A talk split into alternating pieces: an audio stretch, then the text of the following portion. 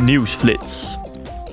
Morgen houdt de voorzitter van het Europees Parlement, Roberto Metsola, in Brussel een inleidende toespraak tijdens een plechtige plenaire vergadering ter gelegenheid van de Internationale Herdenkingsdag voor de Holocaust. De Israëlische president Isaac Herzog spreekt het parlement toe en daarna nemen de leden van het parlement een minuut stilte in acht.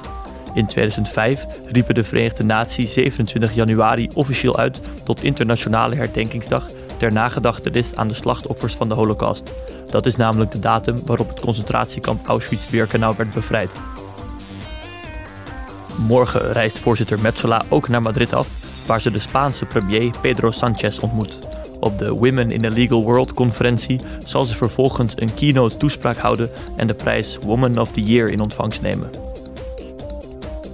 Gisteren heeft de Commissie Economische en Monetaire Zaken ideeën uitgewisseld met de commissaris voor Financiële Stabiliteit, Financiële Diensten en Kapitaalmarktenunie, Mairead McGuinness. Recente voorstellen van de commissie die onder haar verantwoordelijkheid vallen omvatten maatregelen om de werking van de Europese gasmarkten te reguleren, maatregelen in zaken EU-clearingdiensten en bedrijfsnoteringen om de kapitaalmarktenunie van de EU verder te ontwikkelen, evenals een voorstel over instandbetalingen in euro.